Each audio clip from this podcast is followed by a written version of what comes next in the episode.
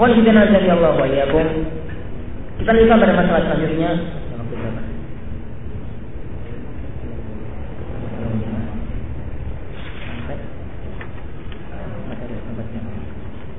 Masih ada waktu beberapa jam.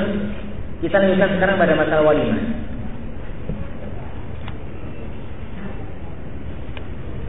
Walimah para ikhwan dan para akhwat sekalian yang dimulakan oleh Allah Subhanahu wa taala adalah sesuatu yang diperintahkan. Para ulama berselisih apakah wajib atau cuma sekedar sunnah, tapi yang jelas walimah itu diperintahkan.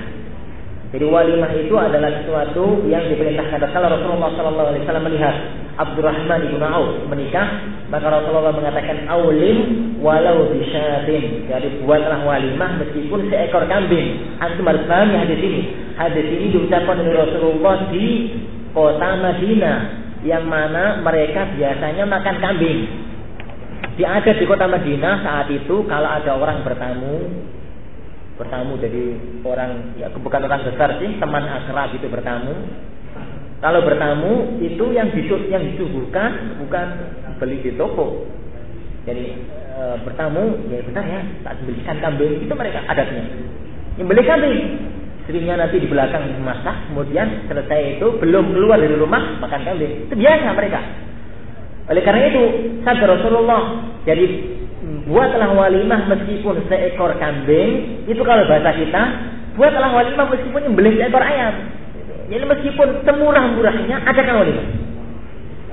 Meskipun harus dibeli, jadi meskipun ya sekedar bikin roti, bikin roti kecil-kecilan, mengumpulkan 10-20 orang, cukup sebenarnya. Tapi walimah tetap harus dilaksanakan karena itu adalah sebagai rasa syukur kita kepada Allah Subhanahu wa taala bahwasanya hal itu bahwasanya kita sudah diberikan oleh Allah kemudahan untuk melakukan walimah tersebut. Ada beberapa hal yang harus dicermati dalam masalah walimah. Yang pertama, bahwasanya walimah itu setelah akad dan bukan sebelumnya. Sebuah kesalahan malamnya walimah sekarang akad kan itu sebagian daerah. Malam sudah semalam akad walimahnya rame-ramenya paginya akad yang benar sekarang walimah nanti malam ini karena walimah itu datang setelah akad dan tidak kita dan tidak pernah ditemukan ada satupun cerita di zaman Rasulullah walimah dulu baru akad. Di mana-mana akad dulu atau nikah dulu baru walimah. Itu yang pertama. Yang kedua kalau bisa ini kalau bisa itu tiga hari berturut-turut. Tapi tidak semua. Karena mungkin ada tamu sekarang yang tidak datang, bisa bisa datang besok, bisa datang besoknya. Kalau bisa, kalau nggak bisa, maka Allah tidak memberikan beban oleh dengan kemampuannya. Terutama kalau adatnya kayak orang kita yang namanya walimah besar sekarang. Itu nggak mungkin kayak tiga hari. Habis biaya, biaya berapa kan itu? Malam aja habis biaya jutaan atau puluhan juta. Tapi kalau sekedar walimah kecil-kecilan, ya sampai tiga hari masih menerima tamu itu ya alhamdulillah itu adalah sesuai dilakukan oleh Rasulullah Sallallahu Alaihi Wasallam. Yang kedua, kalau bisa akad dan walimah itu bulan Syawal. Kalau bisa. Karena jadi kalau bisa jadi akad dan walimah itu dilakukan pada bulan Syawal. Karena para Aisyah radhiyallahu anha pernah mengatakan bahwasanya Rasulullah Shallallahu alaihi wasallam menikah dengan saya akad dengan saya pada bulan Syawal dan beliau memulai hidup rumah tangga dengan saya pun mulai bulan Syawal. Menunjukkan bahwasanya akad itu kalau bisa pada bulan Syawal, tapi ada satu hal perlu kita pahami. Kalau antum hidup di sebuah masyarakat yang mereka itu mempunyai kepercayaan-kepercayaan tertentu bahwasanya bulan ini itu tidak boleh nikah, misalkan bulan Suro atau bulan Selo maka saya nasihatkan antum nikah bulan itu. Ini ya nasihatkan kalau hidup di sebuah masyarakat yang mempunyai keyakinan-keyakinan semacam itu biar mendobrak keyakinan itu antum nikah bulan itu. Anak dulu berusaha nikah bulan itu tapi ternyata tidak jadi. Karena saat itu waktunya semester. Ya, mau apa lagi? Saya masih kuliah dulu masih nikah. Semua semester harus ditunda. Ditunda pada bulan selanjutnya bulan itu. Uh, tapi yang penting bahwasanya kalau bisa usahakan begitu. Bukan bukan sunnah ini, sunnahnya bulan Syawal, tapi untuk mendobrak keyakinan yang ada. Untuk mendobrak keyakinan yang ada bahwasanya pernikahan pada bulan itu adalah pernikahan yang bahaya atau yang lain agar keyakinan masyarakat itu hilang maka kita yang sudah tahu hukum dan kita yang sudah memiliki ilmu bahwasanya tidak ada hari-hari sial dan tidak ada bulan-bulan sial maka kita lakukan perbuatan tersebut yang selanjutnya para ikhwan dikenal dari Allah wa yakum usahakan jadi walimah itu jadi usahakan walimah itu ada kambingnya karena Rasulullah bersabda aulim walau bisa antum kaya saya nggak mau nyembelih kambing, nyembelih sapi jangan. Nyembelih kambing aja. Kambing dua atau kambing tiga gitu. Karena apa? Yang yang diperintahkan oleh Rasulullah yang walimah itu bisa dengan kambing bagaimana perintah Rasulullah Shallallahu Alaihi Wasallam kepada Abdurrahman ibn Auf. Yang ke selanjutnya Anda bisa perhatikan bahwasanya dalam proses walimah hendaklah yang diundang itu orang-orang yang kaya dan orang-orang miskin juga yang soleh. Jadi orang-orang yang kaya dan orang-orang yang miskin karena Rasulullah Shallallahu Alaihi Wasallam jadi bersabda la tusahib illa mu'minan wa la ya'kul ta'amaka illa taqi. Jadi janganlah yang memakan makananmu itu kecuali orang-orang yang bertakwa. Jadi orang-orang yang soleh, yang kaya dan yang miskin. Dan hindari jangan sampai mengundang itu cuma orang-orang kaya, terutama ini bagi kelas elit. Biasanya temannya bukan juga orang-orang kaya semua, yang kaya-kaya diundang, yang miskin-miskin dan diundang, terutama kalau nikahnya di hotel, hindari. Karena Rasulullah Wasallam bersabda, ini syarru ta'am ta'am walimah. Jadi sejelek-jelek makanan adalah makanan pada satu walimah. Yaitu yang diundang itu orang yang nggak butuh, orang yang butuh nggak diundang. Maksudnya orang kaya kan nggak butuh makanan. Di rumah juga banyak makanan, diundang. Yang miskin yang sebenarnya butuh makanan semacam itu nggak diundang. Itu adalah sejelek-jelek makanan. Terutama, terutama ini saya wajarkan kepada yang nikah di gedung-gedung pertemuan di hotel atau di tempat-tempat biasanya nikah di tempat semacam itu tidak boleh masuk kecuali pakai undangan. Dan biasanya diundang orang-orang kaya, yang miskin ditinggal. Rasulullah mengatakan makanan di situ adalah syarrut ta'am. Jadi sejelek-jelek makanan, makanan yang diundang ke situ adalah orang-orang yang tidak butuh, orang-orang kaya. Sedangkan orang-orang yang sebenarnya butuh itu ditinggalkan, yaitu orang-orang. Itu berhubungan dengan masalah walimah dan yang selanjutnya hindari jadi walimah itu apa pun namanya harus tidak boleh ada kemaksiatan jangan ya kawan antum memulai hidup rumah tangga antum dengan kemaksiatan hindari ikhtilat. Hindari campur baurnya laki-laki perempuan. Hindari musik. Hindari hal-hal yang lain. Yang itu adalah ada pada biasa kita saksikan dalam dunia-dunia pernikahan. Karena apa? Orang menikah jadi tidak tetap eh, atau dia itu tetap pada hukum-hukum Allah Subhanahu wa. Jadi tidak boleh untuk melakukan kemaksiatan yang ada di dalam tersebut boleh jadi menyanyikan sesuatu dalam koridor-koridor syar'i yang ada pada hukum urusan dari dalam masalah walimah tersebut. Yang terakhir sebelum anda tutup masalah walimah bahwasanya orang yang diundang jadi orang yang yang diundang untuk walimah, undangan walimah itu wajib untuk dihadiri. Rasulullah Sallallahu Alaihi Wasallam bersabda, jadi hakul muslim ala muslim kita, jadi hak muslim atas muslim yang mana itu ada. Nah, salah satunya adalah eh, engkau memenuhi panggilan undangannya. Jadi tidak tahu tahu buhu jika engkau atau jika dia memanggilmu maka penuhilah panggilan dia, penuhilah undangan dia. Itu yang pertama. Yang kedua, jadi wajib memenuhi undangan kalau undangan itu atau kalau walimah itu tidak mengandung unsur keharaman. Jadi tidak campur baur laki-laki perempuan, tidak ada musik, tidak ada apa itu wajib itu dihadiri.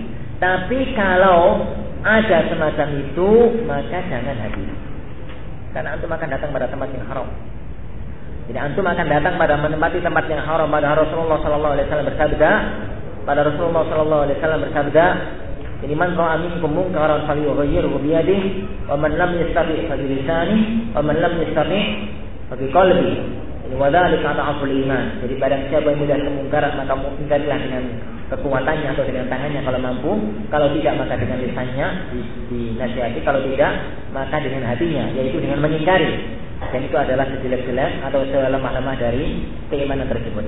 Adapun kalau lu bagaimana nggak datang lah wong paman atau saudara sepupu masa nggak datang. antum menasihatkan datang sebelum atau setelahnya. Sebelum acara datang, belum ada maksiat. Atau setelah selesai acara datang. Demi menjaga hubungan kekeluargaan dan antum tidak terjerumus kepada sesuatu yang diharamkan. Pada waktu sebelum acara datang ngomong aja sama keluarga, Pak, maaf saya datang sekarang, nanti ada perlu. Perlunya apa? Tidak tahu. Perlu apa? Yang ini perlu. Perlu makan, perlu tidur, perlu belajar, perlu ya penting perlu kan? Bohong kan? Bohong? Enggak, enggak bohong. Itu yang kemudian dalam bahasa dalam bahasa sisi kita kenal dengan istilah ya. Jadi orang kita ngomong nggak bohong, tapi orang nyangka lain. Jadi kita maksudkan lain, orang orang lain memaksudkan orang lain. Suatu ketika, jadi satu ketika Rasulullah SAW hijrah, saat itu Rasulullah di bawah, kan hijrah dengan Abu Bakar, gantian yang di atas, gantian. Saat ketemu dengan orang, Rasulullah pas di bawah, nuntun kuda, nuntun onta, Abu Bakar pas di atas. Orang itu datang, orang itu kenal Abu Bakar, tapi tidak kenal Rasulullah. Orang itu tanya, wahai Abu Bakar, siapa orang ini? Abu Bakar menjawab, Hadin Yahdi Historik. Hadin Yahdi Historik itu bahasa letterleknya orang ini penunjuk jalan yang menunjukkan kepada jalan menuju Madinah. Orang itu memahami, oh penunjuk jalan, ya udah. Tapi yang dimaksud oleh Bakar, hadin penunjuk jalan yang menunjukkan jalan kepadaku jalan Islam. Benar kan? Rasulullah yang menunjukkan kepada jalan Islam, benar, nggak masalah. Abu Bakar nggak bohong ketika jawab semacam itu. Dia salah paham ya terserah salah paham. Terserah aja. Rasulullah Shallallahu Alaihi Wasallam pada waktu perang Badar, beliau pada waktu masuk dalam perang Badar di bukit sebelah sana ada orang-orang kafir, beliau bertemu dengan orang Arab Badui. Rasulullah Rasulullah dia ditanya, orang itu bertanya pada Rasulullah, "Mimmanil kaum?" Ini mimmanil kaum, ini kamu dari dari kabilah apa kalian bahasa kita? Mimman. Siapa kalian? Mimman. Rasulullah jawab, jawab dulu pertanyaanku, baru saya jawab.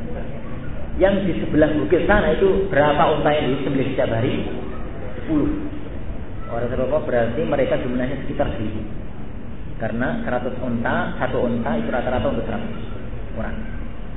Setelah itu Rasulullah menjawab, kalau begitu sudah saya jawab sekarang.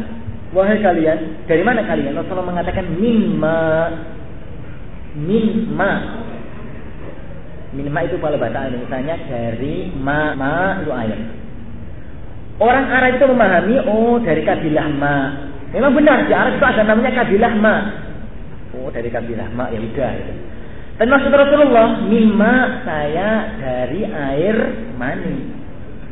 Kan adalah dari air mani, nggak bohong. Dia salah paham, ya terserah kan itu. Saya katakan, hal ini kadang-kadang perlu untuk digunakan.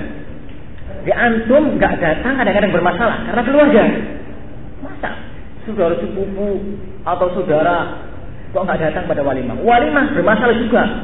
Jadi pada waktu walimah seandainya datang menunduk lihat paha ke atas lihat wajah. Kan itu. Ya, gitu kan biasanya antara walimah bermasalah. Mau nggak datang bermasalah. Datang sebelum acara, datang atau datang setelahnya. Kalau datang sebelum, katakan Pak, apa ya, maaf, datang sekarang karena nanti ada perlu. Perlunya apa? Ya terserah itu perlu. Yang penting nanti ada perlu. Dia memahami oh mungkin mau perlu penting. Tanpa meninggalkan walimah. Tadi waktu antum mau perlu tidur, mau perlu mandi, mau perlu, yang penting perlu kan itu. Atau nanti setelah acara besoknya gitu pak maaf kemarin nggak bisa datang ada perlu. Perlu ya perlu gitu kan nggak apa-apa antum nggak bohong dan antum nggak terjerumus dalam jadi itu yang sering saya nasihatkan kepada teman-teman kalau harus masuk dalam acara walimah yang ada keharaman. Karena apa pun namanya ya bahwasanya walimah yang ada keharamannya dan itu hampir hampir yang terjadi di tengah keluarga kita terjadi padahal menurut amin kemungkaran falyughayyiru biyadih dan kepada siapa yang melihat kemungkaran maka hendaklah dirubah dengan hatinya, dengan tangannya, kalau tidak dengan lisannya, kalau tidak maka dengan hatinya. Yang selanjutnya, bahwasanya kalau jadi selesai acara pernikahan, selesai acara jadi pernikahan, maka ada dua hal yang harus dilakukan. Ya oleh orang-orang yang diundang. Yang pertama mendoakan pengantin. Doanya insya Allah masyhur kita hafal semuanya. Barakallahu lah wa barakallahu wa baraka alaika wa jama'a bainakuma ya khair. Jadi semoga Allah memberikan berkah kepada engkau dalam kenikmatan yang kau dapatkan dan semoga Allah memberikan berkah kepada engkau dalam kesengsaraan yang kau jalani dan semoga Allah mengumpulkan kalian di atas uh, kebaikan. Adapun doa-doa yang lain itu tidak ada gunanya. Bahkan termasuk larangan kalau orang mengatakan semoga berbahagia dan cepat dapat keturunan. Itu adalah larangannya. Jadi lafaz semoga berbahagia itu terlarang. Karena orang-orang jahiliyah dulu kalau ada pengantin itu mereka kalau salaman dengan pengantin itu jawabnya birrafai wal bani. Birrafa wal bani. Itu perkataan orang jahiliyah. Kalau bahasa kita birrafa semoga berbahagia. Itu bahasa kita. Wal bani dan cepat dapat anak. Itu bahasa bahasa kita. Rasulullah jangan lafazkan itu. Gantilah dengan barakallahu lak wa baraka alaik wa jama'a fi khair. Karena itu kalau kalau bikin undangan jangan dengan lafaz semoga berbahagia. Itu lafaz itu lafaz terlarang. Tulislah lafaz penggantinya semoga menjadi pernikahan yang mubarak. Semoga menjadi keluarga yang penuh berkah. Itu lafaz-lafaz syar'i. Jadi lafaz-lafaz syar'i yang harus dicermati. Banyak hal-hal itu yang kayaknya nggak bermasalah, ternyata bermasalah. Ini ternyata hal-hal semacam itu bermasalah. Karena apa? Doa itu yaitu doa barakallahu lak wa baraka alaik mengandung sesuatu yang sangat yang sangat yang sangat besar sekali. Mendoakan kepada pengantin agar mendapatkan keberkahan baik tatkala dia senang dan mendapatkan keberkahan baik tatkala dia susah dan dikumpulkan dalam kebaikan. Itu yang salah pertama. Yang kedua jangan lupa doakan sohibul hajah. Jadi doakan siapa itu orang yang bikin walimah. Karena kita sudah makanannya, paling tidak kita ke walimah kan makan kan itu. Makan atau minum atau nyicipi apa yang penting nyicipi. Rasulullah Shallallahu Alaihi Wasallam menganjurkan kepada kita kalau kita diberi makanan maka doakan. Jadi kalau kita diberi makanan bertamu kemudian disuguhi makanan disuguhi minuman, maka doakan meskipun harus tulisan, tidak harus dilafatkan dalam hati itu didoakan. Doanya Allahumma ataim man ata'amana wasfi man ya Allah berilah makanan orang yang telah memberikan makanan kepada kami dan berilah minuman orang yang telah memberikan minuman kepada kami atau doa-doa yang semisal itu dilihat pada muslim atau kumpulan doa-doa tersebut. Ini beberapa hal yang berhubungan dengan walimah. Eh, eh, yang berhubungan dengan walimah Allah subhanahu wa ta'ala kalau misalnya ini bisa kita lanjutkan dengan dan apa yang jawab mudah-mudahan bisa dijawab atau bisa dilengkapi dengan hal-hal yang ditanyakan Allah wa ini saya pada pertemuan kali ini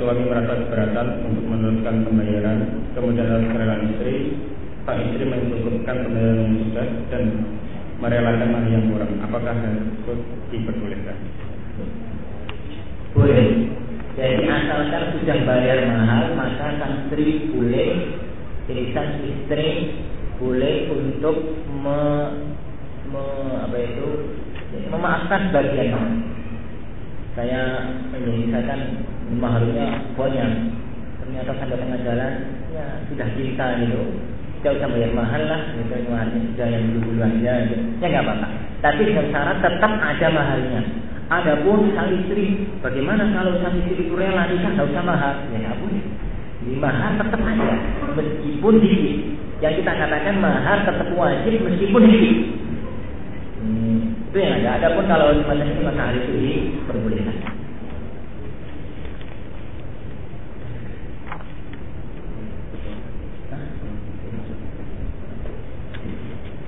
Yang berikutnya, bagaimana kalau menerima akad nikah yang diwakilkan, lafaz wakil tidak menyebutkan nama yang diwakilkan, tetapi dalam niat adalah mewakili, itu karena salah ucap. Sedangkan jika ia usul fikih, maka itu tapi ala niatillah apakah kaidah ini berlaku dalam masalah ini? Kaidah ini benar, tapi penempatan kaidah terus berbeda. Betapa banyak orang yang berkaidah benar ternyata pada waktu menempatkan kaidah salah. Talak nikah rujuk itu harus dengan lafaz. Rujuk baca keterangan para ulama tapi yang jelas talak dengan nikah harus dengan lafaz. Insya Allah kita bahas pada masalah talak kalau seorang suami jengkel pada istrinya marah besar dia di dalam hatinya mentalak istrinya apakah jadi talak tidak sebelum keluar ke pada seorang bapak itu saya katakan di awal tadi dia itu di majelis nikah majelis akad ada tauha tapi gak melafazkan salaman sambil senyum senyum gitu. Gila itu. Bukan akad nikah. Dengan alasan kan tidak paham dua-duanya. Kalau selesai paham dua-duanya nggak usah dilapatkan. Tidak jadi nikah karena ini itu urusan lafaz dan bukan urusan hati oleh karena itu ini oleh karena itu kalau yang diwakilkan maka harus disebutkan dari siapa dia itu mewakili namanya atau apa yang diketahui bahwa dia itu mewakili Adapun kalau tidak, maka bisa diulangi kembali karena tadi lupa atau yang lain. Sekali lagi ini adalah akad dan akad itu dengan lafaz. Apa sih bedanya? Jadi antara zina dengan nikah. Jadi sama-sama bayar, kan itu. Yang satu bayar mahar, itu satu bayar biaya itu. Ini ujung-ujungnya juga campur antara laki-laki dan perempuan. Yang membedakan itu cuma ucapan seorang bapak saya nikahkan kamu dengan anak saya. Jawaban seorang calon suami saya terima itu aja membedakan. Ya, akad ini sangat menentukan.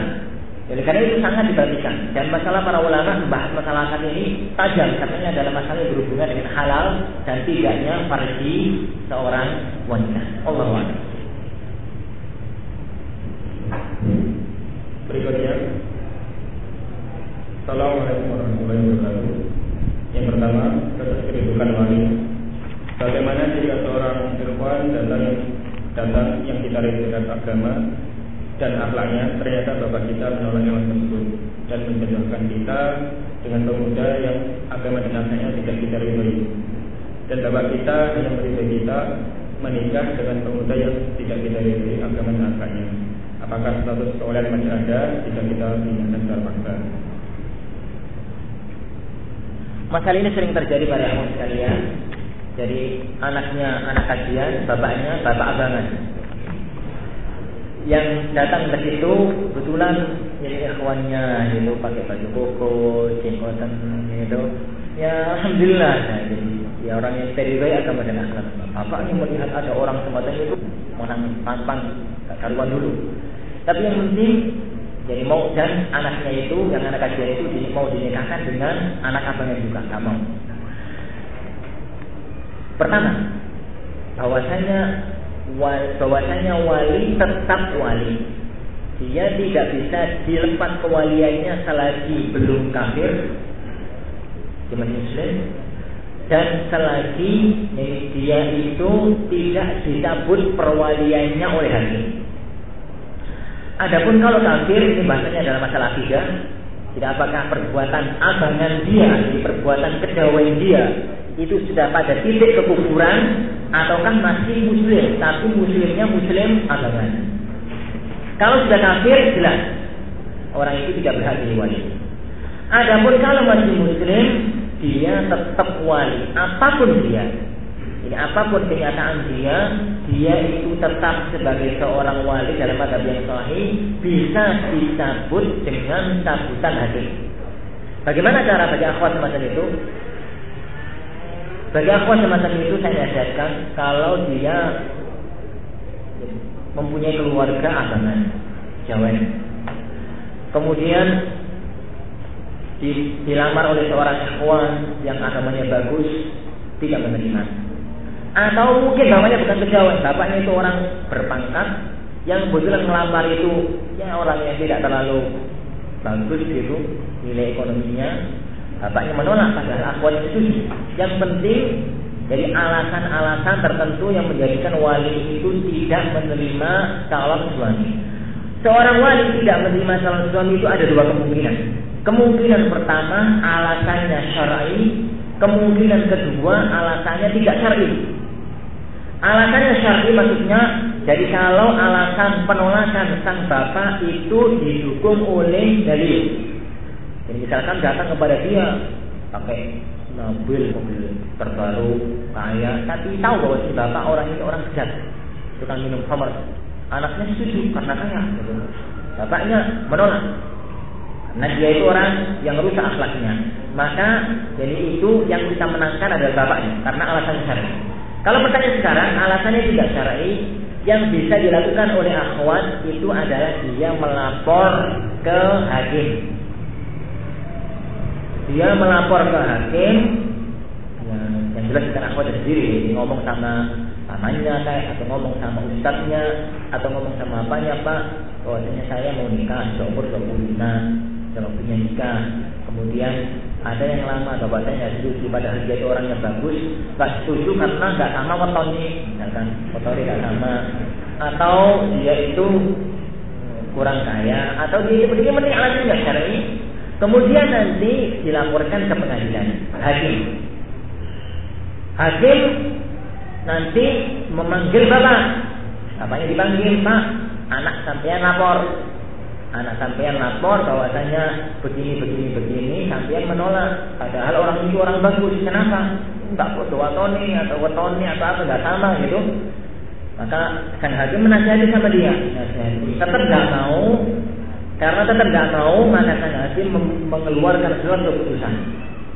Kami pengadilan agama begini dan begini, hakim bulan dan bulan memutuskan bahwasanya yang bernama Bapak Bulan bin Bulan, misalkan itu bapaknya tadi, mempunyai seorang anak namanya Fulana, ini kami sang hakim mencabut dia sebagai walinya.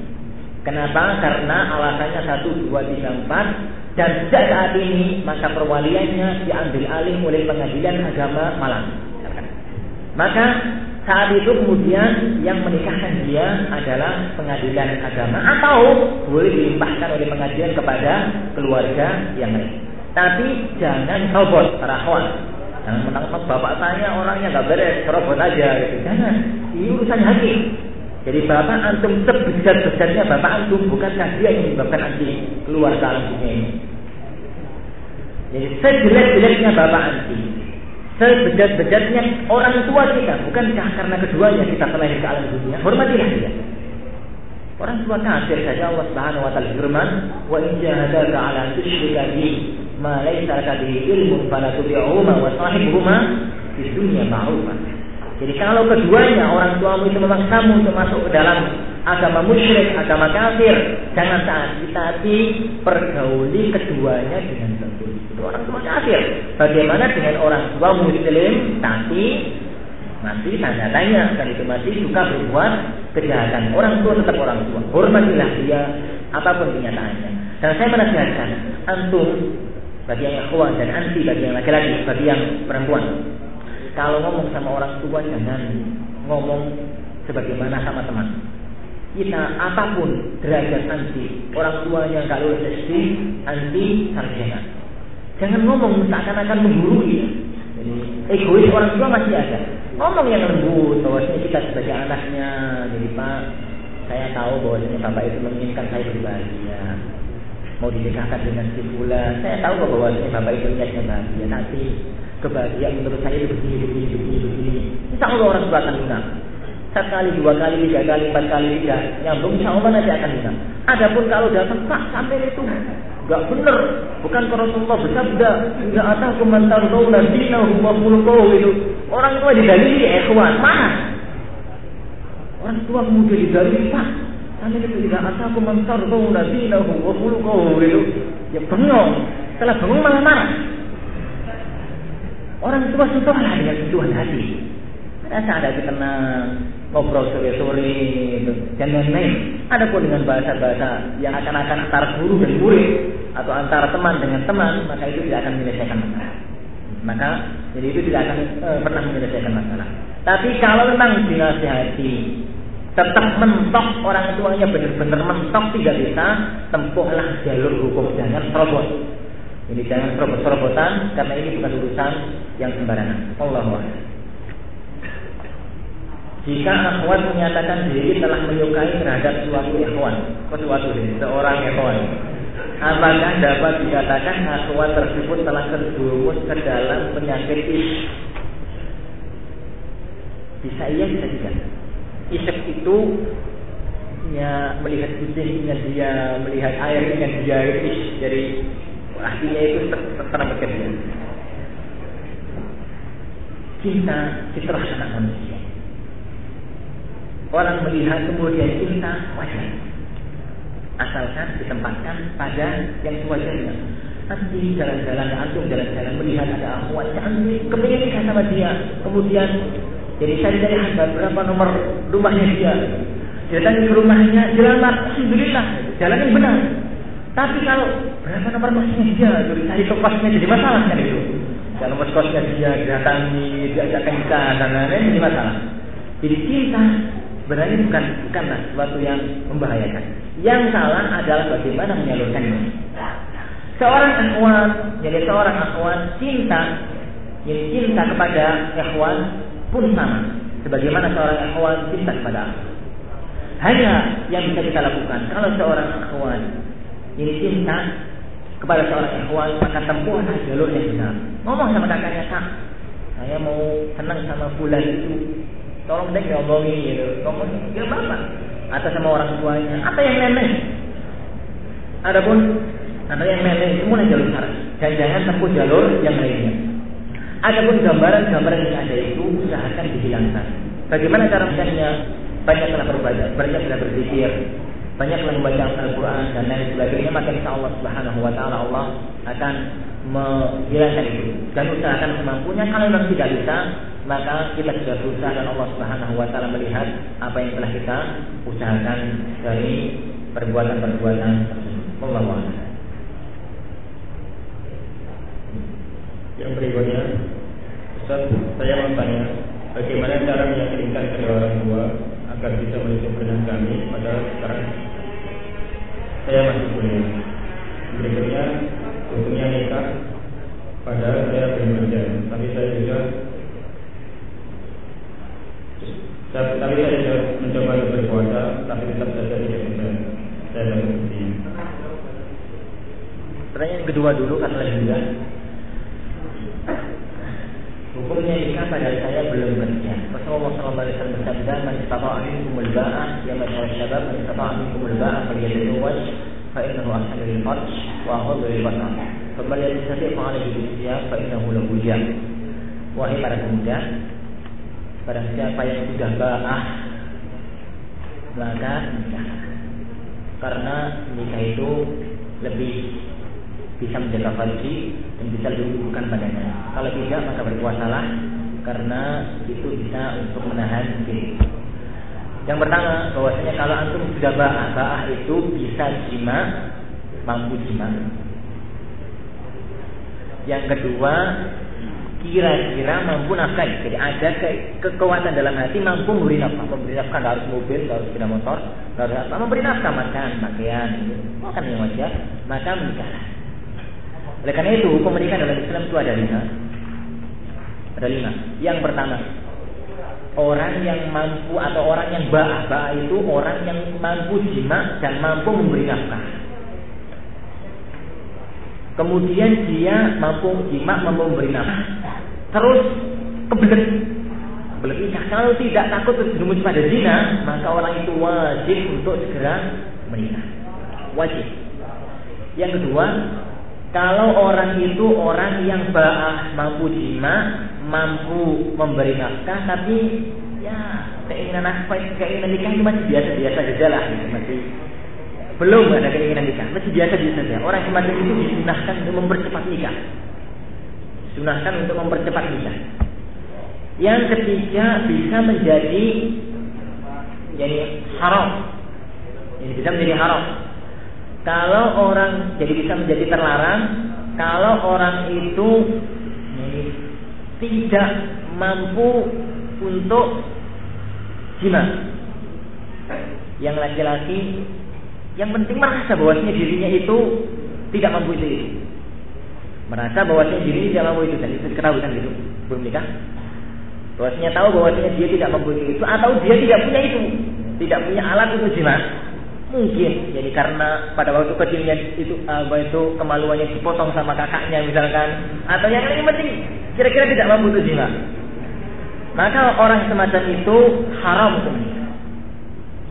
Dia, itu cukup bagi dia menerima takdir Allah Subhanahu wa taala, itulah ketentuan Allah bagi dia, jangan menikah.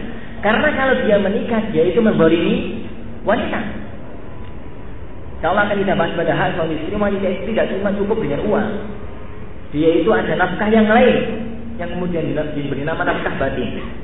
Pernah ada seorang wanita datang kepada Umar bin Khattab radhiyallahu anhu dan mengatakan ya ya Amirul Mukminin wahai Amirul Mukminin suami saya itu setiap malam sholat kalau siang puasa malamnya sholat siangnya puasa terus. Umar ya ini Umar ini jauh jauh suami itu jempol bagus.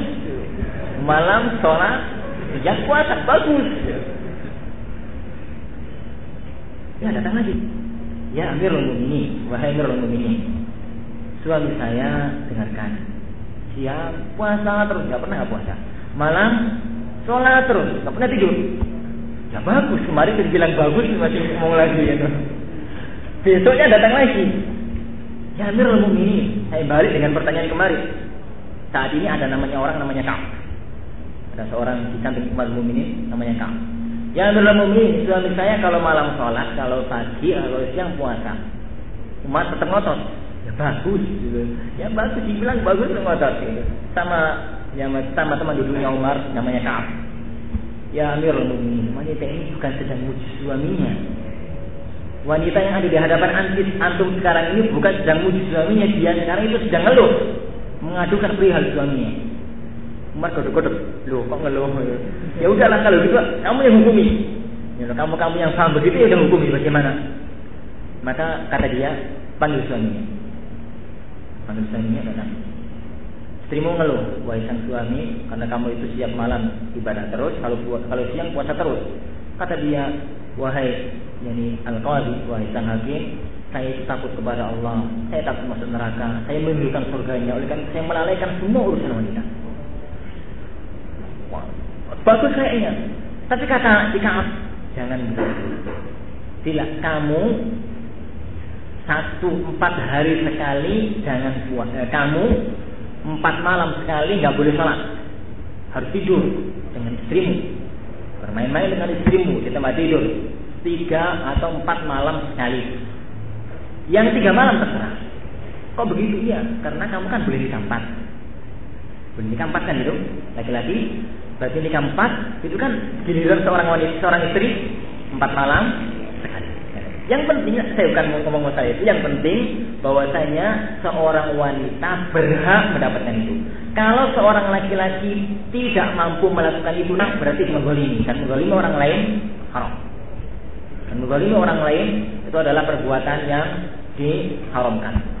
Adapun jadi ada nikah yang makruh, ada nikah yang mubah. Mubah itu kalau tidak ada yang yang, yang memerintahkan dan tidak ada yang melarang. Adapun makruh adalah kalau dia merasa bahwasanya dia itu ini tidak atau belum bisa untuk ini menafkahi dengan bagus atau dia bisa untuk e, bergaul dengan istrinya dengan bagus masih umur 10 tahun gitu kemudian nikah itu anak-anak gitu dan kebelet nikah juga belum kok nikah gitu maka itu dimakruhkan ini 10 tahun itu kalau nanti tengkar dengan istrinya ribut nanti 10 tahun kan itu. Dan yang lain Tapi yang penting bagi ah semacam ini, jadi yang dia itu takut jadi tidak bisa uh, untuk menghindar dari perzinahan. Uh, padahal saya belum kerja, ini saya lakukan pertama. Antum puasa sering-sering-seringnya, tapi jangan melebihi puasa Daud. Yang kedua, yang kedua jangan sering sendirian karena kalau sendirian seringnya ngelamun kalau orang sudah kepingin nikah, yang dilakukan tidak mungkin pelajaran kan itu. Kan itu yang lain. Yang ketiga, seringlah bergaul dengan para ikhwan. Ini lupakanlah itu. Dan nenek, lakukan semacam itu. Kalau jangan usahakan dari kecil. Ya kecil-kecilan, jadi kerja kecil-kecilan, ya, jualan koran kayak atau jualan apa gitu. Insya Allah, Allah Subhanahu Wa Taala memudahkan. Karena Allah Subhanahu Wa Taala menjadikan dalam firman-Nya wa aqimul ayat minkum sebenarnya itu pun fuqara yughnihimullahu min fadli. Jika mereka itu orang-orang miskin, maka Allah akan memberikan kekayaan dengan pernikahan tersebut. Adapun yang pertama, bagaimana cara meyakinkan kedua orang tua agar bisa merestui pernikahan kami, padahal sekarang saya masih kuliah. Saya kira bahwasanya urusan kuliah itu tidak terlalu bermasalah. Yang penting antum yakinkan bahwasanya antum siap nikah dan antum tidak mempengaruhi kuliah. Tapi jangan sangat-sangat panjang. Nah, jangan-jangan panjang. Adapun antum jadi biaya kuliah, biaya kos, biaya saya banyaknya kuliah itu masih minta orang tua, nggak ingin nikah, mungkin nggak dapatkan ini.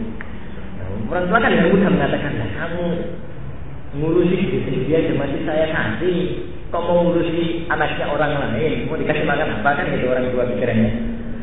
Adapun kalau antum sendiri sudah berani bisa meyakinkan orang tua, sudah bisa mandiri, kadang-kadang ngasih orang tua, dulu ribu, seratus ribu ngasih atau ngasih oleh-oleh pada orang tua. Yang penting yakinkan bahwasanya saya mampu berdiri sendiri. Minta izin saya tahu. Tidak mudah. Jadi tidak tidak sulit untuk mengatakan hal itu. Jadi kondisi yang kadang-kadang melakukan itu. Kalau kondisi kita sudah siap, mungkin kita perlu jalur pendekatan. Antum jadi perhatikan bapak dan ibu mana yang lebih bisa dilobi jadi kalau ibu yang lebih bisa dilobi jalur ibu. Kalau bapak jalur bapak.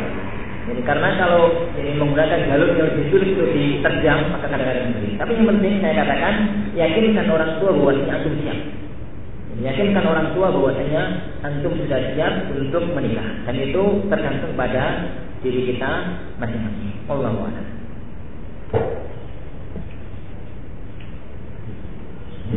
Yang berikutnya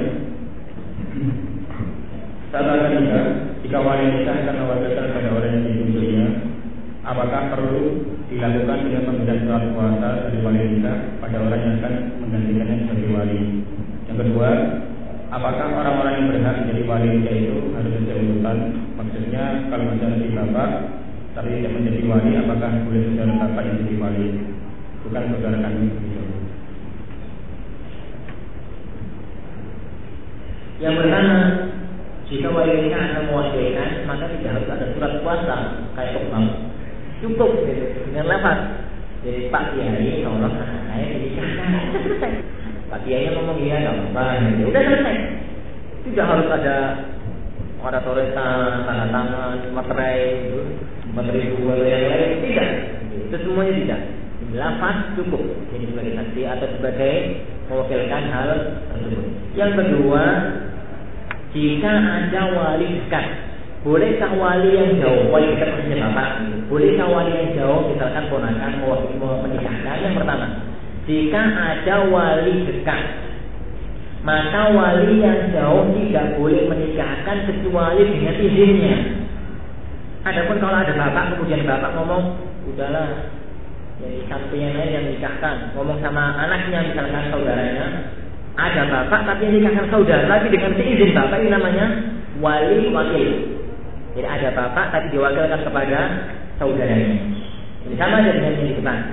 Adapun kalau bapak mewakilkan kepada saudaranya bapak, sama padahal ada saudara, ya boleh karena ini urusan sekarang bukan bukan urusan tapi wakil. Jadi yang jadi wali kan bapak. Dia mewakilkan kepada siapa terserah yang digendaki. Adapun kalau tidak ada bapak, Cuma ada saudara dan paman rebutan. Saya menikahkan, paman ngomong, saya aja, saya aja, maka yang berhak apa? Yang berhak adalah saudara. Tapi kalau nggak ada bapak, yang ada saudara dan ada paman. Kemudian paman kepingin nikahkan saudaranya ya, ya pak, sampai naik yang menikahkan berarti saudara itu mewakilkan. Jadi tidak, jangan terlalu diperumit masalah-masalah ini. Bahwasanya jadi bisa diwakilkan sendiri dan bisa untuk diwakilkan dan kalau bisa diwakilkan maka bisa kepada siapa pun juga meskipun ada wali dekat tersebut. Allahu a'lam bishawab.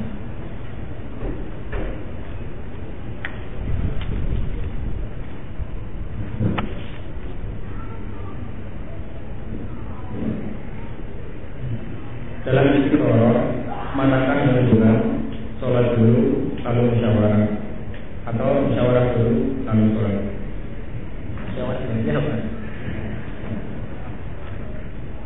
Dalam sholat istiqoroh, jadi antum sholat, ya antum di depan ada pilihan antara pilihan dia ada pilihan atau pilihan A dan B. Sholat istiqoroh kepada Allah Subhanahu Wa Taala karena kita tidak tahu apa yang terbaik bagi kita. Jadi bayangan kita si A lebih baik, tapi ternyata dalam bayangan Allah si A lebih baik. Oleh karena itu, salat istihara adalah senjata kaum ini. Sangat kemudian banyaklah doa itu baik pada saat sujud atau sebelum salam dan itu yang terbaik. Jadi doa salat istihara itu sebaiknya dibaca pada saat sholat dan boleh juga dibaca setelah salat kalau nggak apa bisa menghafalkan dan juga hafalannya. Kita berdoa kepada Allah Subhanahu wa taala Allah Subhanahu wa taala berikan kepada kita pilihan yang terbaik. Pertanyaan selanjutnya sekarang, kalau yang dengan musyawarah ini adalah doanya, maka doa itu bisa dibaca pada saat sholat atau bisa dibaca e, setelah sholat. Adapun kalau yang dimaksud dengan musyawarah di sini adalah musyawarah keluarga, jadi musyawarah ini keluarga, maka bisa lakukan dua-duanya. Ya, bisa lakukan dua-duanya. Mungkin antum sudah ngomong sama bapak, ngomong sama ibu, mereka semuanya sudah pas, sudah mantap, tapi tetaplah minta petunjuk kepada Allah Subhanahu wa taala bahwasanya apakah orang ini cocok dengan saya ataukah tidak. Ataupun jadi kadang-kadang sholat kemudian dibicarakan kepada orang tua itu pun tidak masalah. Dan yang perlu disadari bahwasanya sholat itu tidak selamanya ada petunjuk langsung lewat mimpi. Tidak selamanya sholat orang kemudian mimpi ketemu si A atau ketemu si B tidak harus meskipun ada. Karena itu kadang-kadang saya katakan ini karena sebagian yang atau sebagian teman saya itu sholat orang terus nggak mimpi misalkan. Ya kalau ini ya nggak apa-apa tapi kadang-kadang orang itu lewat jadi ada petunjuk dari Allah melalui mimpi. Kadang-kadang kemantapan hati. Kadang-kadang tidak mimpi tidak kemantapan hati. Tapi yakinlah bahwasanya antum kalau selesai sholat istihara, kalau jadi nikah sama dia, berarti itulah hasil dari sholat istihara kita. Kalau ternyata nggak jadi, itulah berarti hasil dari istihara kita. Yang penting jangan tinggalkan ini, jangan tinggalkan kita petunjuk kepada Allah Subhanahu Wa Taala karena ini apa pun kekuatan akal kita, kita masih di bawah bimbingan Allah Subhanahu Wa Taala tanpa ditemani mahramnya tapi hanya ditemani temannya bolehkah melihat atau nazar? Ada masalah yang perlu kita sadari para akhwat sekalian. Kalau nazar, jadi kalau nazar tidak dibalik hijab, anda mengatakan nggak boleh. Jadi karena kalau tidak dibalik hijab itu namanya khalwat. Dan Rasulullah Sallallahu Alaihi Wasallam bersabda, "La yakhluwan ar-rajulu bimra'atin illa ma'a dzimahram." Jangan sampai seorang laki-laki berduaan dengan seorang perempuan kecuali kalau dengan mahramnya dan teman itu bukan mahram. Itu kalau nazar. Adapun kalau ta'aruf, maksudnya ta'aruf, jadi nazarnya sudah, nazarnya sudah, sekarang ada mahramnya sudah selesai nazar, cocok, alhamdulillah. Tapi masih ada beberapa masalah yang perlu dipermasalahkan. Orang tuanya sudah pulang ke Jakarta dipanggil lagi. Jadi minta minta duit gitu. Musim duit. Di sini sekarang jadi ada akhwatnya di sini kuliah dianya juga di sini ingin lebih dekat. Bukan ingin lebih dekat pacaran ini ingin mengetahui beberapa hal latar belakang dia. Maka lakukan di balik hijab jadi lakukan di balik hijab jadi datang aja ke, ke, ke kosnya kalau tidak ada fitnah itu antum di depan, ini di ruangan depan, dia di ruangan tengah. Yang penting di balik hijab. Dengaran suara, ini kedengaran suara tapi tidak melihat orangnya. Adapun dari sini dia kemudian ini akhirnya tanpa hijab, maka itu adalah masuk dalam khalwat. Allah Subhanahu wa taala firman wa idza sa'altumuhunna mata'an fas'aluhunna min hijab. Jadi kalau mau ada keperluan dengan seorang wanita, maka bicarakanlah di balik hijab dan ngomong dengan seorang wanita nggak masalah jadi asalkan menjaga fitnah yang ada dan asalkan e, di balik hijab tersebut dan tidak membawa perbuatan yang mengandung fitnah. Apakah ini masuk dengan tunangan? Tunangan dalam bahasa Islam itu lamaran. Kalau dalam bahasa letter, kalau dalam kalau dalam adat kita itu lamaran dan tunangan itu sama apa? Tidak. Tidak. Jadi yang yang ada dalam istilah kita itu cuma lamaran, jadi selesai cocok, melamar, selesai lamaran, nikah, yaitu prosesnya. Kalau yang dimaksud dengan tunangan itu adalah ada resepsi tunangan, gitu, kemudian tukar cincin, tukar apa, maka saya katakan di awal tadi bahwasanya itu tidak ada. Jadi tidak ada yang dimaksud dengan tunangan dalam Islam. Yang ada ya lamaran itu melamar, kemudian setelah dilamar ya jadi tunangannya. Adapun jadi ada proses tukar cincin, tukar ya apalah itu. Maka sebagaimana saya katakan di awal pertemuan tadi. Allahu a'lam. Masih berapa menit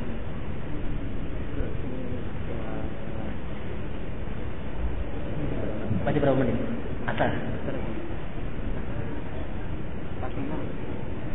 lebih masih panjang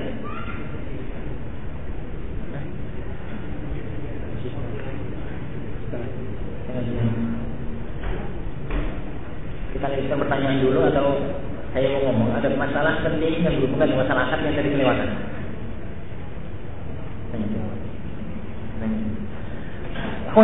Allah wa ada satu masalah penting dalam masalah akad pernikahan yang tadi kelewatan. Saya teringat sekarang. Itu mengenai masalah syarat dalam akad nikah.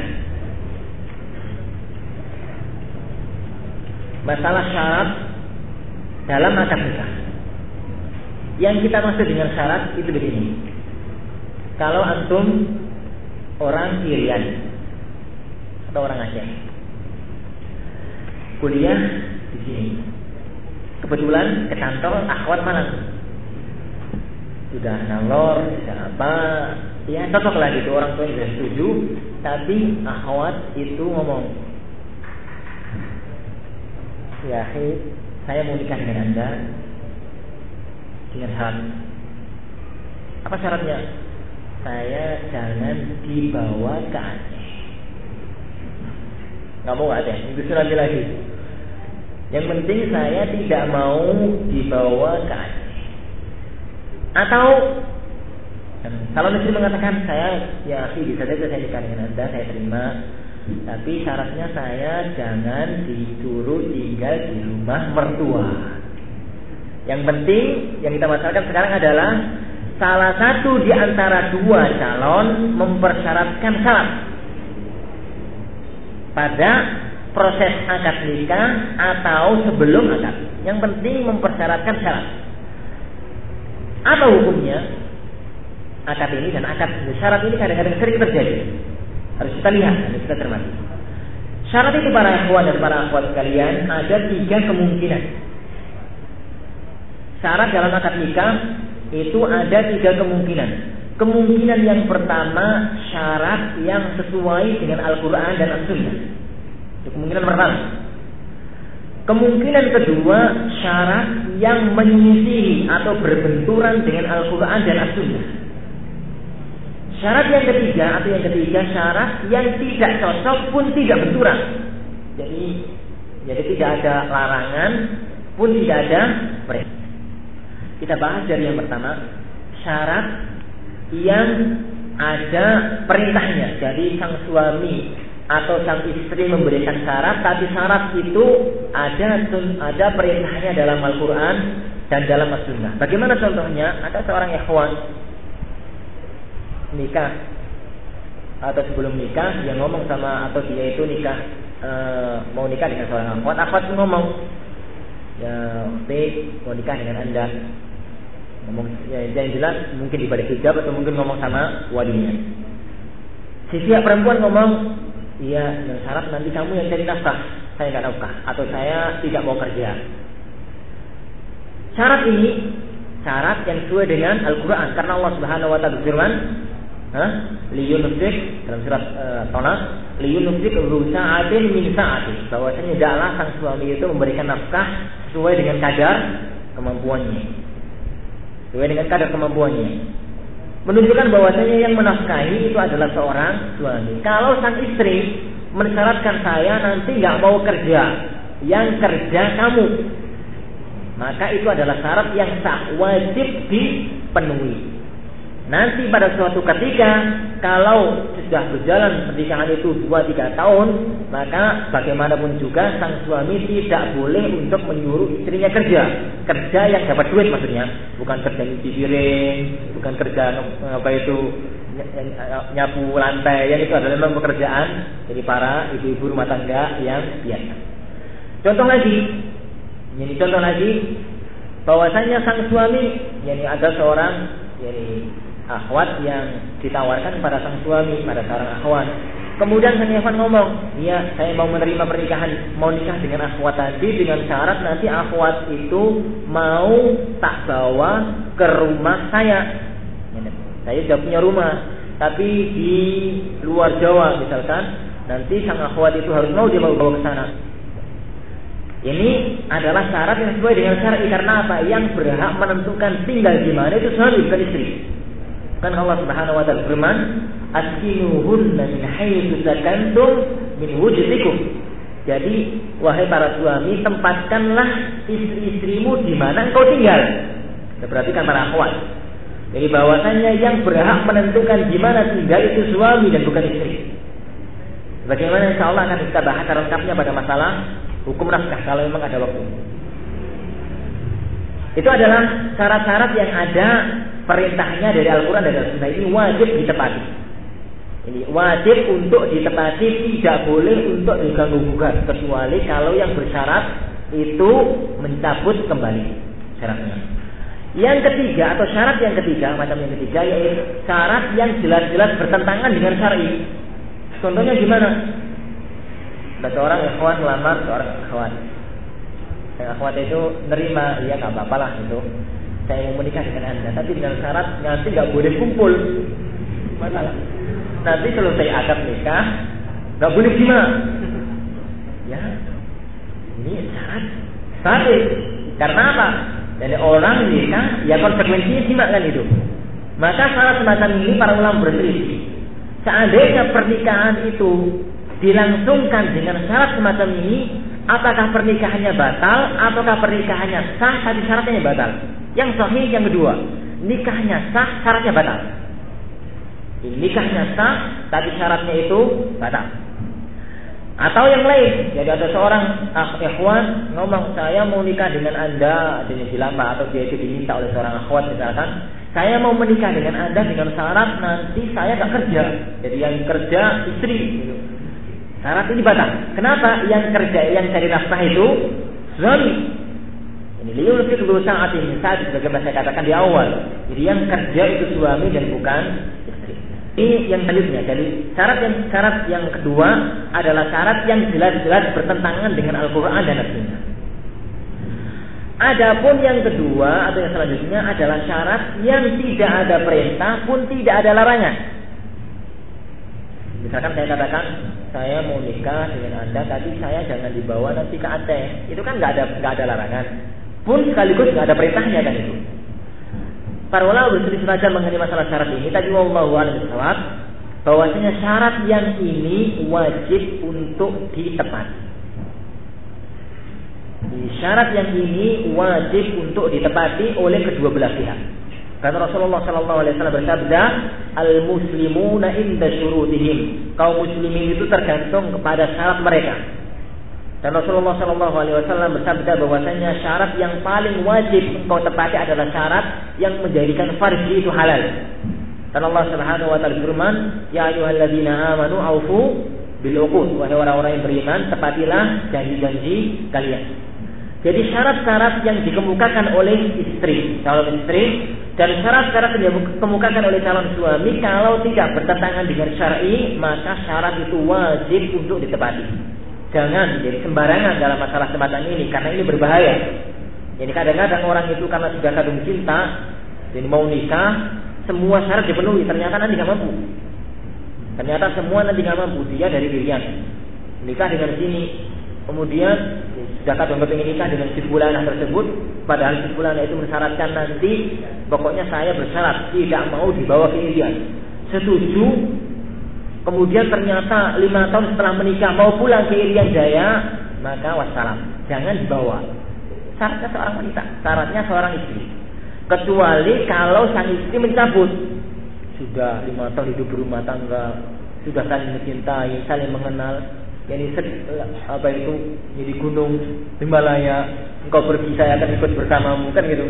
Laut sedalam apa pun saya akan ikut bersamamu. Kalau begitu ya apa apa itu kalau sudah lima tahun kemudian suami wahai jadi istriku jadi sebenarnya saya tahu bahwasanya dulu engkau besar begini tapi ya tolong dipahami bahwasanya di sana dirinya saya itu begini begini begini saya harus pulang dan harus pulang. Bagaimana pendapatmu? Kalau sang istri mengatakan, tidak mengapa, saya akan selalu bersamamu. Itu nggak apa-apa, selesai urusan itu. Tapi kalau sang istri ngotot, enggak, pokoknya saya nggak mau ke Irian, ya selesai urusan. Kamu pergi sendirian ke Irian, istrimu di sini. Karena itu adalah syarat yang wajib ditepati. Tidak boleh mengatakan kamu kan istri harus taat. Iya, memang, tapi kan syarat awal. Al muslimuna inda syurutihim. Jadi kaum muslimin itu tergantung kepada syarat yang di syaratkan jadi kedua belah pihak dan ini harus cermati harus dipahami karena kadang-kadang hal-hal itu yang ya, tidak terlalu cermati dalam masalah pernikahan Allah wa itu yang saya tambahkan. Karena kita masuk kembali pada uh,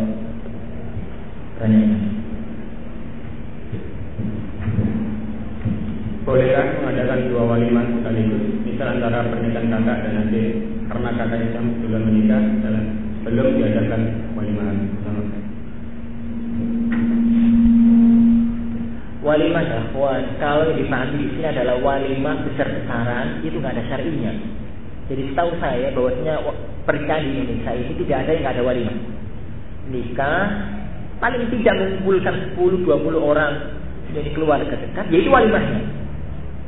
Yaitu walimahnya. Adapun kalau dipahami bahwasanya walimah itu pakai terop, pakai gedung, pakai itu, itu urusan lain. Adapun kalau anggaplah sekarang pernikahan kakaknya benar-benar tidak ada walimah. Walimah itu wajib diadakan tapi tidak mempengaruhi sah dan tidaknya pernikahan. Jadi menikah tanpa walimah sah. Menikah tanpa walimah itu adalah tetap sah.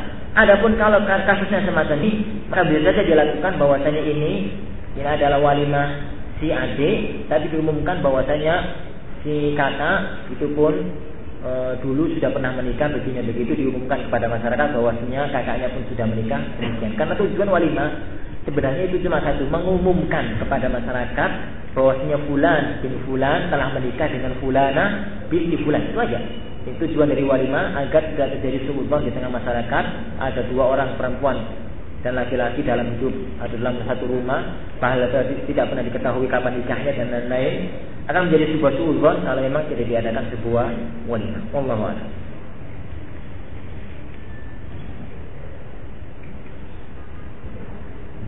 Bagaimana kita tahu bahwa pasal yang diminta itu dalam kita? Karena banyak yang mengira contoh pada awalnya namun akhirnya cerai. Yang kedua, mengapa kadang ada wanita baik-baik berpasangan dengan laki yang jelek? Begitu juga sebaliknya. Yang ketiga, penandung musik dalam kalimat yang dibolehkan. Yang ketiga dulu, musik ya ikhwan haram dengan kesepakatan para ulama kecuali para ulama ilmiah. Beberapa para ulama membolehkan musik itu mereka mengatakan tidak ada dalil yang mengharamkan. Mereka mengatakan bahwasanya hadis keharaman musik itu lemah, padahal enggak. Hadis keharaman musik itu dalam Sahih Bukhari. Shallallahu Alaihi Wasallam bersabda, "Sayakun fi ummati aqwamun aw la yakunanna fi ummati aqwamun yastahilluna al-hira wal harira wal khamra wal ma'is."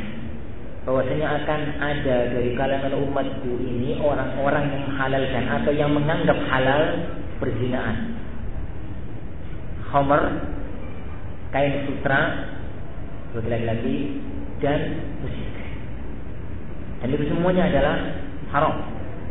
Karena itu saya tidak menemukan satu pun sahabat membolehkan. dan saya tidak menemukan satu pun ulama yang bolehkan kecuali satu orang Imam Ibnu Hazm rahimahullah taala tapi beliau salah dalam masalah ini. Yang penting tapi ya kawan, tapi keharaman musik itu dikecualikan pada beberapa hal. Yang pertama, jadi tatkala jadi tatkala walimah pernikahan itu dibolehkan. Jadi musik tapi yang dibolehkan itu duf rebana tanpa kecek. Belum tahu rebana atau ya? Rebana yang kalau nasi dariyah itu kosidah itu pernah lihat gambarnya itu yang di yang dipukuli itu yang tanpa uh, yang tanpa ikik-ikiknya itu itulah itu. Itu yang dibolehkan. Karena itulah jadi semua hadis yang berhubungan dengan masalah semacam itu. Yang kedua pada saat itu Fitri dan Idul Adha jadi yang ketika pada saat menyambut, jadi pada saat menyambut e, sebuah tamu yang sangat agung sekali, tapi jadi itu pun masih dipermasalahkan oleh para ulama kita. Dan mengenai masalah ini adalah masalah yang insya Allah sangat jelas sekali. Al-Akh Ustaz Muslim Al-Asari menulis dalam sebuah kitab yang sangat bagus. Tidak adakah Muslim, adakah musik yang Islam? Saya katakan tidak ada. Pertanyaan adakah musik, musik yang apa itu musik yang Islami sama dengan pertanyaan adakah pencurian yang Islami dan adakah zina yang Islami? tidak pernah ditemukan karena antara zina dan Islam itu berseberangan bagaimana antara itu dengan itu itu berseberangan Wallahu a'lam yang kedua mengapa kadang-kadang ada wanita baik-baik berpasangan dengan lelaki yang jelek begitu sebaliknya?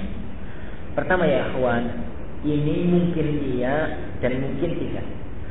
Mungkin kalau memang kenyataan yang antum dapatkan ada wanita baik-baik menikah dengan laki-laki yang jelek atau sebaliknya ada kemungkinan kebaikan yang antum lihat itu kebaikan mufasilwah sebetulnya dia adalah wanita atau laki-laki yang jelek. Itu ada kemungkinan.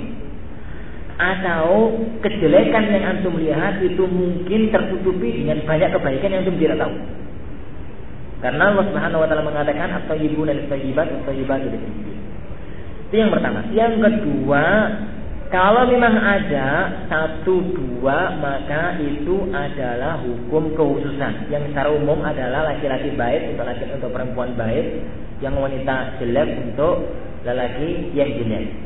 Ada kekhususan tertentu yang diberikan oleh Allah Subhanahu wa taala, ada hikmah-hikmah tersendiri yang memang Allah Subhanahu wa taala memberikan kepada ini kepada hambanya. Tapi secara umum bahwasanya bagaimana firman Allah tadi atau ibu dari tayyibat, wa tayyibati wa ibu dari tayyibat.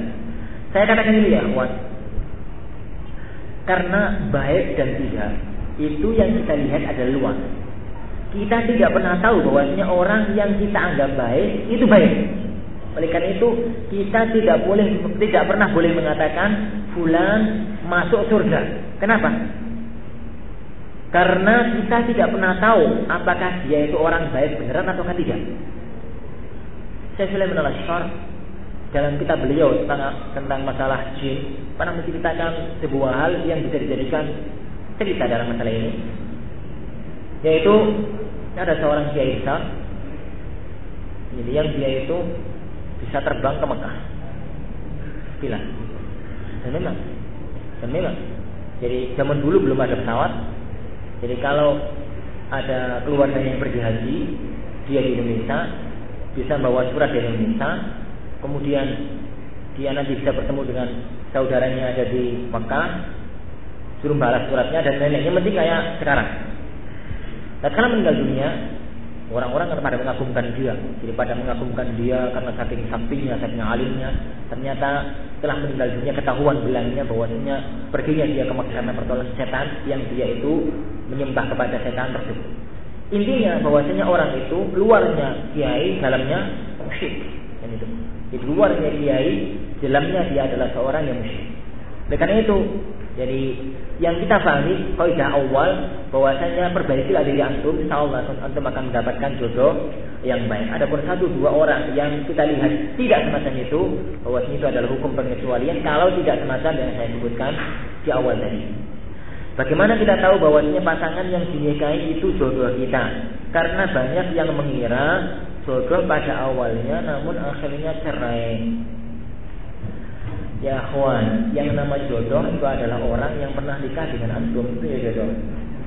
Kalau antum nikahnya 10 kali, ya jodohnya itu 10 kali kali itu. Jadi Rasulullah Shallallahu Alaihi Wasallam, jadi Rasulullah Wasallam pernah bersabda bahwasanya pada hari ke 120 malaikat disuruh turun untuk menulis empat hal tentang rezekinya, tentang ajalnya, dan apakah orang itu bahagia dan apakah orang itu sengsara. Di antara kebahagiaan dan kesengsaraan adalah masalah istri dan masalah suami. Ini masalah istri dan masalah suami. Tidak pernah saya temukan bahwa ini namanya jodoh itu harus seumur hidup. Ada seorang yang pernah ngomong bahwasanya yang namanya jodoh itu harus nikah kemudian gak cerai-cerai sampai akhir. Saya kira nggak ada. Karena jadi karena kita tidak pernah tahu. Ya, karena kita tidak pernah tahu bahwasanya uh, yang kita nikahi sekarang itu bisa saja akhir ataukah tidak. Yang penting kita sekarang menikah dengan orang itu berarti ya jodoh sekarang kita itu. Kalau memang nanti ternyata dia meninggal dunia, kemudian nikah lagi ya berarti jodohnya lain lagi ya gitu. Dulu itu jodoh yang dulu, pindah pada jodoh yang sekarang, mati lagi pindah pada jodoh yang ketiga dan begitu selanjutnya. Ini. Ataupun kalau dipanggil bahwa jodoh itu harus umur hidup, Allah saya tidak pernah menemukan. Pertanyaan terakhir yang pertama, apakah jika melarang istri boleh istri dalam satu kamar dengan iman ini? Yang kedua, apakah jika memberikan mahar kepada istri berupa Al-Quran atau tafsir atau kitab-kitab yang lain, suami wajib memberikan kepada istri karena ada suami yang takut memberikan mahar Al-Quran dan Pertama ya mahar Quran itu adalah mahar yang kalau antum tidak punya duit Berarti kan ada di atas tadi. Rasulullah ngomong cari cincin besi. Dicari cari cari tidak ketemu baru ngomong kalau begitu kan bahkan Quran berapa? Kan sebagian ikhwan kadang-kadang mentereng. Jadi maharnya hafalan Quran. Jika ini mentereng padahal itu adalah mahar yang mentok kalau orang sudah miskin nggak punya duit. Baru maharnya Quran. Yang penting anda katakan bahwasanya mahar jadi mahar itu pada dasarnya berupa barang. Emas, perak, uang. Kalau maharnya berupa kitab, jadi kalau maharnya berupa kitab, Anda lebih cenderung untuk mengatakan bahwasanya kalau kitabnya itu kitab yang berharga, saya maharnya majmuk fatwa, misalnya 2 juta kan majmuk fatwa, yang nikahkan kamu, yang nikahkan dengan mahar majmu fatwa. Kayaknya kita ternyata dua juta itu, lebih malahan. Ya berarti ini itu maharnya kita, bukan maharnya yang ngajarkan. Kecuali kalau lafaznya majmu fatwa dan harus diajarkan. Sulit. 37 jilid tidak harus diajarkan kapan-kapan. Adapun jadi kalau dengan mahar kamu dengan mahar Al-Qur'an begitu cenderung harus diajarkan dengan dengan mahar Al-Qur'anul Karim surat ini dan surat itu ajarkan. Adapun kalau mahar itu mushaf, mushaful karim itu mushaf itu, itu anda cenderung mengatakan bahwa mahar itu benda. Mushaf itu adalah berupa benda, tapi lebih baik itu ditinggalkan. Karena ngetren sekarang di antara ikhwan dan akhwat maharnya Al-Qur'anul Karim. Ini karena mahar uang, ribu, emas, ini satu gram, dua gram, sepuluh gram gitu jauh lebih bagus. Karena itulah contohnya Rasulullah Sallallahu Alaihi Wasallam. Rasulullah Sallallahu Alaihi Wasallam semua mahar istrinya nggak ada mushaf dan nggak ada maharnya Rasulullah ngajarkan ini dan itu semuanya duit. Maharnya Rasulullah dan maharnya para sahabat setahu saya maharnya para sa sa sa sahabat satu-satunya mahar yang tidak berupa uang itu cuma dua. Yang pertama kejadian tadi, yang kedua kisah nikahnya Ummu Sulaim yaitu pernikahannya dengan Abu Talha yaitu pernikahan jadi yang maharnya itu adalah masuk Islamnya Abu Talha dan itu adalah sebagai mahar bagi Ummu Sulaim tersebut. Tapi yang penting ahsannya lebih baiknya adalah berupa uang dan bukan berupa yang lain uang atau benda yang berharga. Apakah jika mahar masih nyicil bolehkah suami istri dalam satu kamar atau jima boleh? Jadi kalau majlisil jadi maka itu dibolehkan bagi sang seorang suami istri untuk menjadi untuk menyimak dengan istrinya dengan syarat kalau di akadnya tidak disebut. Adapun kalau akadnya mengatakan saya nikahkan kamu dengan istri atau dengan anak saya sekian Jadi dengan sekian dan tak boleh kumpul kecuali sudah lunas gitu ya, lunas gitu. Kalau akadnya semacam itu, kita kalau akadnya enggak semacam itu, ya ya nggak apa-apa. Allah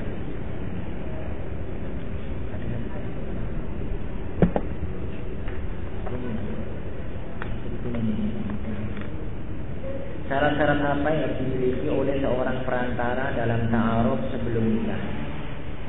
Ini, kalau antum mempunyai hobi sebagai perantara, ada orang yang punya hobi sebagai perantara. Pertama, bertakwa kepada Allah Subhanahu wa taala karena antum menghubungkan antara dua keluarga dan bukan dua orang. Jangan karena ingin menyebut gelar perantara yang yang paling jago dan sukses gitu. Setiap perantara itu berhasil menikah, kemudian itu melakukan apa? Takutlah kepada Allah dan saudara antum bahwasanya dan saudara antum itu memberikan kepercayaan kepada antum untuk mencarikan jodoh, untuk mencarikan istri. Maka beritahukanlah apa adanya. Bahwasanya si A itu begini begitu, ini si B itu begini begitu, calon suami itu begini begitu. Nanti dia gambarannya jelas, jangan diperbagusi sebagus-bagusnya pun jangan dijelek-jelekkan apa adanya diceritakan. Ya, karena apa? Karena nanti kalau tidak semacam itu maka kita khawatirkan akan terjadi penyesalan di kemudian hari baik bagi seorang istri maupun bagi seorang suami dan anak khawatir itu akan terjadi yang kedua ya kawan bahwasanya kalau jadi perantara harap dijaga adab-adab Islam jadi karena itu anak nasihatkan kalau jadi perantara nikah dulu. Nikah dulu nanti kalau hubungan dengan sang akhwat ya yang dia istrinya, kalau hubungan dengan yang akhwat dia dia sendiri. Adapun dia jadi perantara padahal dia sendiri belum nikah. Ketemu akhwat kepingin nikah dengan bulan langsung tolonglah omongkan ternyata akhwatnya itu orangnya bagus sekali dia kepingin nikah dengan dia sendiri mana?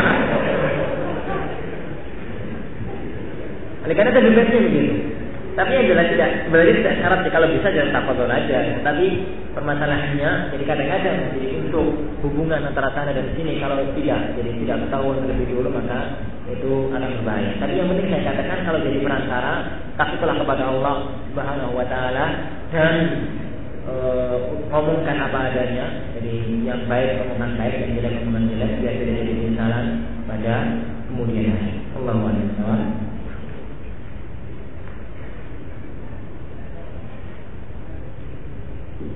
Saya terakhir, bagaimana jika dari pernikahan akan menimbulkan pemutusan hubungan keluarga dikarenakan yang pertama hakim mencapai perwalian seorang bapak, yang kedua dan karena ada syarat nikah tetapi bertentangan yang tidak syar'i. Apakah kita akan terus perkawinan dengan risiko terputusnya hubungan keluarga itu?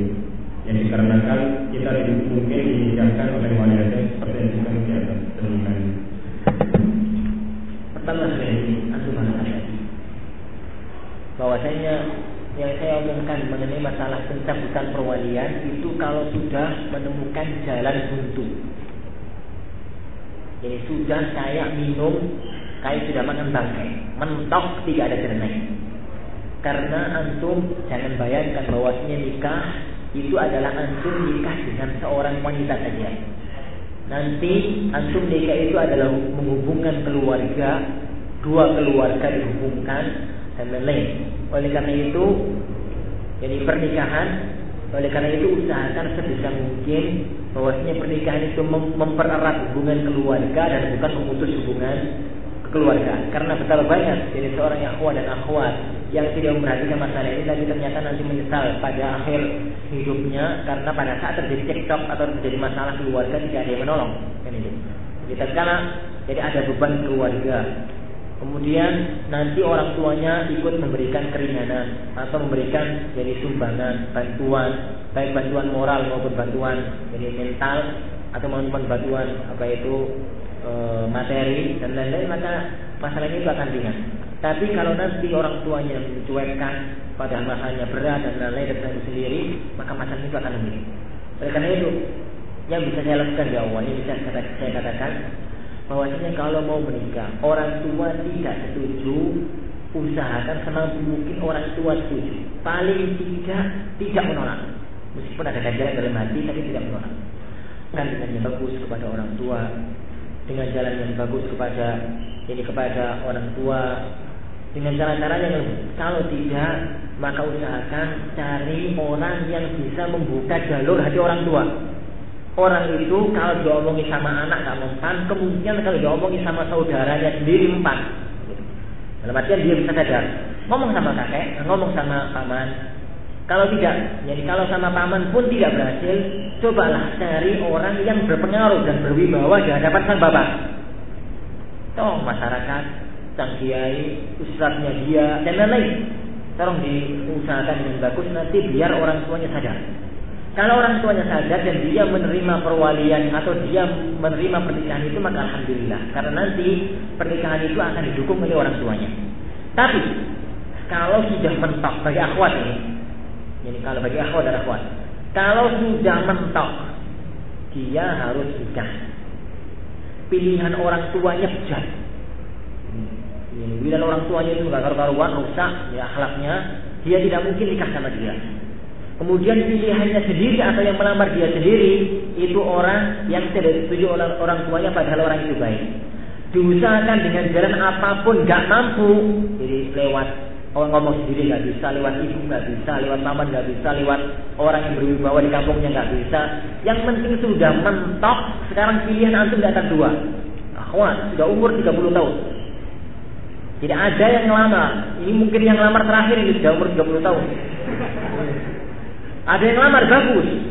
Kalau masih ditolak juga, kemungkinan juga ya sudah sulit. Yo, eh, akhwan. Jadi cari lebih mudah kan itu. Biasanya dia antara dua pilihan, antara tidak nikah itu yang pertama dan antara menerima pernikahan dengan seorang yang nggak karu-karuan agama dan akhlaknya atau dia harus terabus hubungan dengan ayahnya yang memang ayahnya saat itu salah tapi kemudian bisa berbaiki pada kemudian hari. Kalau saya memilih yang pertama. Jadi dia dicabut perwaliannya oleh hakim dinikahkan oleh hakim memang panas di awal tapi usahakan jadi diobati sedikit demi sedikit tahun dua tahun tiga tahun empat tahun insya Allah akan berhasil daripada nggak nikah karena sekarang itu urusannya adalah urusan antara dua mafsadah yang lebih besar mana jadi antara masalah tapi kalau masih umur 20 tahun akhwatnya akhwatnya masih umur 25 tahun ya sabarlah dikit gitu masih mungkin tahun depan orang tua setuju mungkin tahun depannya orang tua setuju yang penting usahakan orang tuanya tidak jadi menentang pernikahan itu dan keluarga karena masalahnya akan menjadi pemutusan hubungan keluarga dan kita dilarang oleh Allah Subhanahu Wa Taala untuk memutus jadi hubungan keluarga tersebut. Wallahu a'lam mungkin yang bisa uh, saya sampaikan pada pertemuan kali ini. Insyaallah kita pada materi-materi berikutnya. Bismillah subhanahu wa ta'ala. Sallallahu wa sallam wa barakatuh